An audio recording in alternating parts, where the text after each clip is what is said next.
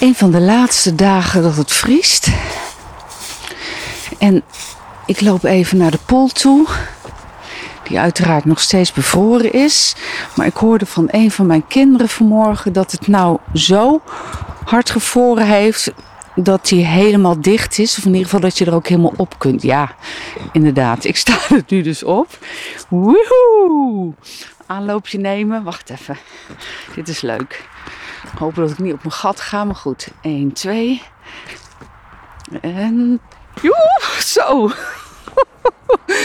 Dit is leuk.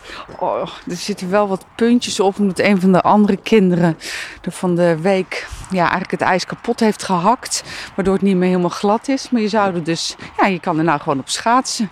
Heerlijk. Ik ben er nu dus op aan het rondglijden. Oh, dit is echt zalig. Leuk zeg. Bruin, kom eens.